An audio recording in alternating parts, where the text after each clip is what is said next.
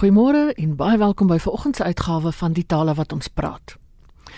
Ek het onlangs met professor Wannie Karstens van die NWU gepraat oor die huidige stand van Afrikaans in die land. Deel 1 van die gesprek kom vanoggend aan bod. 'n Professor het baie navorsing gedoen oor die groei en die kwyn van 'n taal. Vertel ons bietjie daarvan. Ina, dit is nog 'n baie belangrike uh, vraag hierdie en uh, ook 'n kwessie van 'n baie belangrike saak hierdie. Want 'n mens moet onthou Afrikaans is deesdae onder geweldige druk. En nou daar is heelwat navorsing gedoen daaroor en daar is 'n paar faktore wat mense gedagte moet hou. Kom ek noem dit vinnig vir jou en dan kan ons miskien op een van hulle in detail ingaan. Die eerste belangrike een is demografiese prosesse. Nou demografie het te doen met daardie faktore wat die grootte en die samestelling en die verspreiding van taalgemeenskappe bepaal.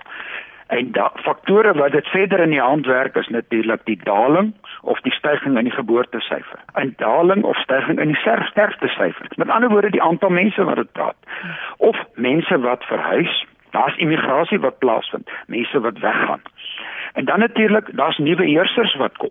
Daar's vind kolonisering plaas. 'n Nuwe heerser kom oor en sê jy gaan maar my taal praat. Mense gaan nou amper terug na die 19de eeu toe die Engelse die Kaap die tweede keer beset en dis waar Engels so sterk geword het. Ja. So daar's soveel aspekte wat die samestelling en die grootte van 'n taalgemeenskap bepaal. En 'n mens moet dit in gedagte hou as jy praat oor die groei en die kwyn van 'n taal.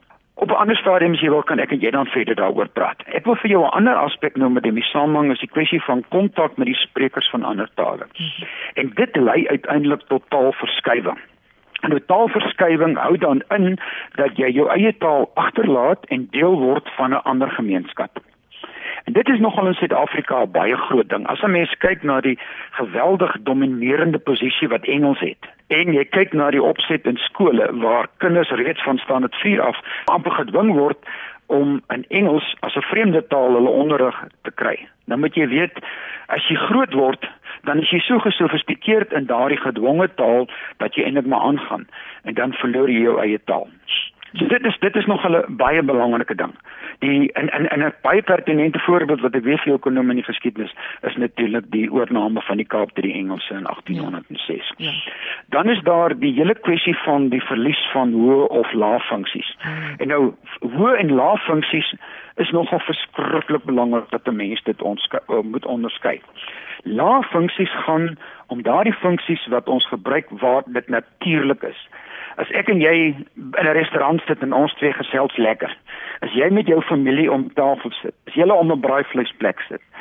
As jy sit en grappies maak, as jy op die sportveld is, al daardie goeters, dis daardie spontane funksies. En as 'n taal nie daardie spontane funksies het nie, is hy eintlik 'n dooie taal.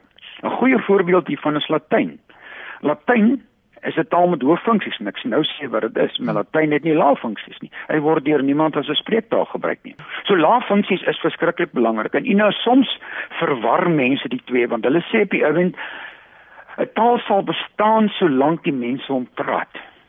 Nou dis nie die volle waarheid nie. Die ja. feit is watter doel gebruik jy hom? As jy hom net vir lae funksies gebruik, dan gaan die behoefte aan die taal uiteindelik minder word. Die ander funksie is natuurlik die hoë funksie. En dit is nou wat ons noem sogenaamde standaardtaalfunksies. Dit is wanneer jy taal nou gebruik vir die onderwys, die hof, die kerk, staatsdiens, jou openbare media, politiek, jy skryf letterkunde ensovoorts ensovoorts dan. Nou hierdie funksies is vir ons ongelooflik belangrik. Want as ons hulle nie het nie, dan verloor begin ons 'n taal verloor. En ek en jy kan nou net 'n klein bietjie diepte miskien hierop ingaan. Ja. Want ons weet die verlies van hoë funksies lei tot die verlies aan lae funksies. Dit het professor Jaap Steyn vir ons in sy fantastiese boek van 89 tuiste in eie taal uitgewys. Dit is belangrik dat mense dit weet. Hulle moet weet die verlies van hoë funksies lei tot 'n verlies aan lae funksies want die behoefte aan die taal word minder. As ek hom nie gebruik vir onderwys nie, hoekom sal ek hom gebruik in die huis? As ek hom nie gebruik om 'n koerant te lees nie, hoekom sal ek hom gebruik in die huis? So mense wat daardie argumente, die taal sal voortbestaan solank hy gepraat word, hulle sê effens die kat in die stert weet. En dan die heel laaste een wat ek net vinnig vir jou wil sê, die faktor is die houding teenoor die taal. Watter houding het ander sprekers van die betrokke taal? As ons nou kyk na taal soos Duits Baie mense koppel onmiddellik ah nazi. Dit is 'n houding. Maar ons weet dit is 'n stuk van die geskiedenis wat die huidige geslag niks mee te maak het nie. Maar baie mense kan sê ek wil my nie met daardie ding assosieer nie. Nie daai taal nie, weens daai stuk verlede. Nou kom ons weer die kwessie van Engels. Engels het ook soveel negatiewe assosiasies. Kyk na Portugees en kyk na Spaans waar die geskiedenis vir jou sê dat hierdie tale ander tale oorgeneem het. Nou is die feit is die ander mense wat nie die taal praat nie, wat dink hulle van daardie taal? En dit is nou waar Afrikaans in die in die in die, in die spervuur kom. Want Afrikaans het 'n verlede. En ja. en ons kan nie daai verlede ontken nie. Dit is daai verlede is gekoppel aan die apartheidsverlede. Nou, dit is nie die taal wat dit gedoen het nie. Dit is sprekers van die taal wat dit gedoen het. Maar juis omdat sprekers van die taal dit gedoen het, het mense 'n bepaalde houding teenoor die taal. So jy kan sien dis hierdie vier faktore is nogal belangrik. Ek wil graag 'n bietjie oor oor funksies praat. Ehm um, Ja. Wanneer dit dan nou gaan oor die hoër funksies, begin dit by laerskoolonderrig, sê nou maar, of is dit net universiteitsonderrig wat as hoër funksie tel of die skep van terminologie in die in die onderrigverband? Ja, hy word so wyd gebruik. So wyd gebruik. Ek weet prof Jaap Steyn het hierso vir ons drie funksies, drie drie drie belangrike subfunksies onderskeiding. Moet dit miskien vir jou noem want dan verstaan mense dit bietjie beter. Ja. Ons praat hier van ekonomiese funksies. Nou hiermee bedoel ons ons gebruik taal in die openbare sektor. Dit beteken in plekke soos die staatsdiens, munisipaliteit en die hof om ons lewe te lei. So, hy is vir ons belangrik dat ons spontaan daar kan staan maar ook in die privaat sektor. Want in die privaat sektor gebruik jy hom vir werk. Kan ek 'n werk kry? Kan ek my besigheid daarin doen? As ek na 'n winkel toe gaan, kan ek in my taal daardie produkte koop. So jy kan sien daardie ekonomiese funksies is belangrik. En as hierdie funksies begin val, as hy in die staatsdiens nie meer aantreklik is of dat mense hom wil gebruik nie, dat mense oorgaan in oorgaan na Engels toe. So half 'n verstek dan ag ons is nou maar Engels, kom ons doen dit. En dan het ons groot moontlikheid. Die tweede een is die wat hy sip funksie is die kwessie van kulturele funksies. Nou dit raak die volgende kulturele funksies het te doen met die wyse waarop jy jouself as mens in 'n gemeenskap uitlewe. Nou dit word weerspieël in die letterkunde. Skryf mense oor die mense wat die taal praat. En as 'n mens kyk na die Afrikaanse letterkunde, is hy baie aktief en daar word ongelooflike fantastiese produkte gelewer. En ek het nou met die uh, navorsing vir hierdie boek, die storie van Afrikaans, het ek nou weer daarna gaan kyk. En ons in Afrikaans kan trots wees op die letterkunde wat ons geskryf het. Dis fantasties. Maar dan 'n ander belangrike een is die massa media.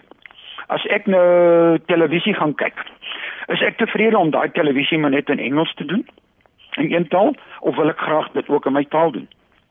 Kan en dit is 'n voorbeeld wat kyk net inkom. Waar daar waar daar 'n uh, uh, uh, televisiestasie is waar ek my taalbehoeftes kan kan kan nakom. Maar dit kan ook koerante. As ek nou na 'n winkel toe stap en ek wil 'n koerant koop, kry ek net koerante in Engels of kry ek my koerant ook in Afrikaans? En dit is 'n vraag wat baie mense ook van die Afrika tale vra. Dit is hoekom dit so belangrik is dat daardie funksies uitgevoer word. En dan 'n ander belangrike ding is natuurlik godsdienst. As ons mense is uh, wat met die hoër gesag wil praat, dan wil ons dit in ons eie taal doen. Net jy wil bid in jou taal, jy wil jou kerk doen in jou taal. En jy weet Ina, dit is nogal interessant die geskiedenis van Afrikaans en ook die geskiedenis van Nederland wat nou 'n bietjie 'n fase teruggaan, was altyd gekoppel aan godsdienst. Jy weet, ek dink in 1875 toe die GRA tot stand gekom het, toe was die hele motivering dat die Bybel, die Nederlandse Statenvertaling van 1637 onverstaanbaar was vir mense uit die voor die bruin gemeenskap, die slawe gemeenskap. Maar mense sê ook baie mense uit die wit gemeenskap wat nie die Nederlands kon verstaan nie. En die belangrike ding was, kom ons sit dit in ons eie taal hoor. So 'n strewe om die, om jouself in jou eie taal te kan uitdruk en met jou God te kan praat is 'n ongelooflike belangrike ding. En dit is nou soos ek sê die GRA en ons kyk ook na die hele geskiedenis dan van die moslems en daardie soort van goed. Dis ongelooflik belangrik. En dan die laaste een en dit is hoekom mense so belangrik stry daaroor is die kwessie van onderwysfunksies. So ek wil my kind skool toe stuur dat hy in Afrikaans gaan. Of ek wil my kind skool toe stuur dat hy of sy dit in Engels doen of dit in Xhosa of Zulu. Maar jy funksioneer die beste in jou eie taal. So, dit is belangrik. So as jy op een van hierdie funksies begin val, dan het jy moeilikheid. En kyk byvoorbeeld net na onderwys. Onderwys is nie net skole nie, dit raak ook hoër opleiding. Ja. Nie net universiteite nie, maar ook ander opleiding, colleges. Uh sentrums vir vir vir gevorderde onderrig. Daar's verskillende plekke. En dis daardie plekke oorgaan net na 'n ander taal, dan begin jy amper sê maak my taal nog saak. Dan begin jy stadig aan vertroue verloor. So jy kan nou sien hoekom dit belangrik is. En dan die heel laaste subfunksie en dis nogal belangrik wat 'n mens kan weet. Die vraag is, dis praktiese funksies. Wat kan ek met die taal maak? Kan ek hom gebruik?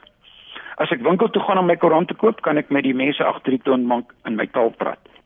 As ek my paspoort gaan aanvra by die departement binnelandse sake, moet ek dit in Engels doen of kan ek dit in Afrikaans doen? Dis vir my prakties. Ja. Kry ek my munisipale rekening net in 'n ander taal? Kan jy werk kry? Kan jy jou sake daarin doen. Kan jy onderwys daarin ontvang. Jy kan dit sien. Daar is so ongelooflik baie funksies. En die kwessie van hoe en lae funksies is nie sommer net 'n hier jy saak nie. Dis 'n ingewikkelde saak, 'n verweefde saak van baie baie belangrike dinge. Ja. Die afgelope week of so was daar werklik skokkende syfers dat 78% van kinders in graad 4 nie eintlik verstaan wat hulle lees nie. Ja. En sekerlik het dit met hierdie kwessies te doen dat die kinders gedwing word in, om 'n volgende taal te leer en en so aan. Dan is dit mos eintlik 'n baie kommerwekkende ding dat ons daai funksies verloor. Nou, jy is heeltemal reg, professor Michael Lekordeer van Stellenbosch het dit ook in sy kommentaar uitgewys die die feit dat mense gedwing word om in 'n vreemde taal te lees. Hulle is nie natuurlik in die taal nie. Die taal wat jy by die huis hoor is 'n ander taal. En dit raak veral dan die mense uit die Afrika taalgemeenskappe. Ja. Want onthou nou praat jy Xhosa en Zulu nou kom jy op die skool en jy moet begin leer. Jy word in Afrikaans en of jy word in Engels of in jou eie taal die eerste 3, 4 jaar geleer en nou skielik slaan jy oor in graad 4 na Engels. Jy die taal nie onder die knie nie. Ja. Jy verstaan nie en want dit is waarom dit gaan. Dit gaan om begrip. En dit is wat daardie syfer so skokkend is. Nou kan jy sien hoe belangrik die onderwys is vir die behoud van funksies. As jy nie taal in jou onderrig in jou eie taal kan kry nie, dan begin die mense sê het ek my eie taal nog nodig. 'n Ander ding wat ek opvallend vind is so klomp jaar terug was daar woordeboeke vir sê nou maar die boubedryf en vir die en vir daai. Nou is dit asof daar nie terminologie ontwikkel word vir spesifieke goed nie. Met die tegnologie wat so verskriklik vinnig ontwikkel, gebruik mense maar die Engels want dis nou al wat daar is. Dit is 'n verdere leemte. Dit is 'n verdere leemte want een belangrike ding van van van 'n van 'n van 'n taal is dit juist dat jy ook in jou wetenskap sal uitdruk. Ja. Kyk, Ina, Ek het ek het nou en dit is ek wil dit graag vir jou vertel. In my navorsing vir die boek het ek 'n slag gaan kyk na al die funksies wat 'n taal het. En die vraag is, hoe lyk dit met Afrikaans? En een van hierdie funksies was pertinent terminologie. Ja. Maar terminologie het te doen met die wetenskap. Die hoogste funksie vir enige taal is die vermoë om jouself in die wetenskap in jou eie taal uit te druk. Hm. Daarom is ek nogal verstom as ek soveel keer sien goeie Afrikaans sprekende studente hier op my eie kampus wat nou 'n M of 'n D in 'n tweede of derde rangse Engels wil gaan skryf. ja. En dan het hulle hierdie totale ambisie die wêreld gaan lees wat jy in daardie vreemde taal gepleeg het. Ek sê altyd vir mense skryf daardie gesofistikeerde proses in jou eie taal. Want jy dink die skerpste en agterna as jy wil, kan jy dit in ander artikels verwerk, gebruik dan Engels as jy wil. Want dit het op jou in te doen met jou vermoë om jouself in die wetenskap uit te druk. Ek wil jou graag net vat na 'n dingetjie hier in my boek. Jy weet, nou ek het gaan kyk na waar waar het Afrikaans die funksies verwerf, wanneer en waar is ons nou? Ja. En dit dit is nogal skrikwekkend. Kom ek kom ek noem dit vir jou. Toe ek hierdie goed bymekaar gesit het, ek het 'n baie onrustige naweek gehad hieroor. en ek ek noem dit vir jou. Kom ons kyk na Afrikaans as onderwystaal. So ek het vir jou gesê die strewe in enige taal is juis dat jy taal kan gebruik om onderrig in te gee en dat jy dit kan aanbid in jou taal. Dit is baie belangrike funksies, dis van jou dinge. Ja. En onderwys soos ek sê is van skool en universiteit en dit lei tot die wetenskap. Nou kyk na Afrikaanse onderwysfunksies. Dit begin optrend in 1914. Toe die behoefte begin om Afrikaans in skole te begin gebruik. En in die jare daarna het dit na die hoërskool oorgegaan en jare daarna het dit oorgegaan na universiteite. Weet, Afrikaans het in baie sko skole was dit die uh, eerste taal medium van onderrig, die, ja. die die voertaal, ja. die primêre medium. Maar is ook in baie ander skole was dit 'n sekondêre medium, die parallel medium skole. Maar dit is belangrik dat hy oor die jare sedert 1914 al sterker geword het en al meer in aanvraag gekom het. En dit het ook die geval aan universiteite. Maar waar sit ons nou? Jy weet, ons het op hierdie stadium in 2016, dis die jongste syfers wat ek het. Daar is iets soos dink 23500 skole in Suid-Afrika. Daarvan is omtrent 1274 as ek kan onthou, enkel medium Afrikaanse skole. En daar is 'n verdere optrend, ek dink is optrend so 15 1600 skole by waar Afrikaans as 'n in 'n parallel medium gedoen kan word. Kyk nou waar hy in 1914 begin het en kyk waar hy nou. Kyk na Afrikaans by die universiteite.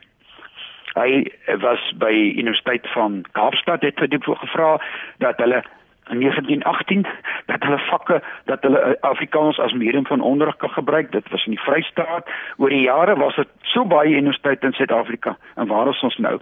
Einde van 2017. Afrikaans is 'n uh, gedulde medium aan bepaalde universiteite dit dit is dit is nogal jammer want hy het by IP te verdwyn by Unisa te verdwyn by U het hy so te sê verdwyn by Vrystaat het hy so te sê verdwyn. Dit word geduld en die ding is daar's groot druk om dit mettertyd op weg te vat. -hmm. en dit begin invloed hê in in in inskrywings. Kyk na Afrikaans as godsdiensttaal. Een van die strewes van 1875 was juis om in Afrikaans die Afrikaans so te ontwikkel dat die Bybel gedoen kan word. En ons eerste volle Bybelvertaling het ons in 1933 gekry. Toe het ons nou verdere vertalings in 53 en 83 gekry en ons kon in Afrikaans sing. Dit was nogal belangrik. So ons kan sê Afrikaans is goed gevestig as 'n as 'n godsdiensttaal. Hierdie funksie is dus behou.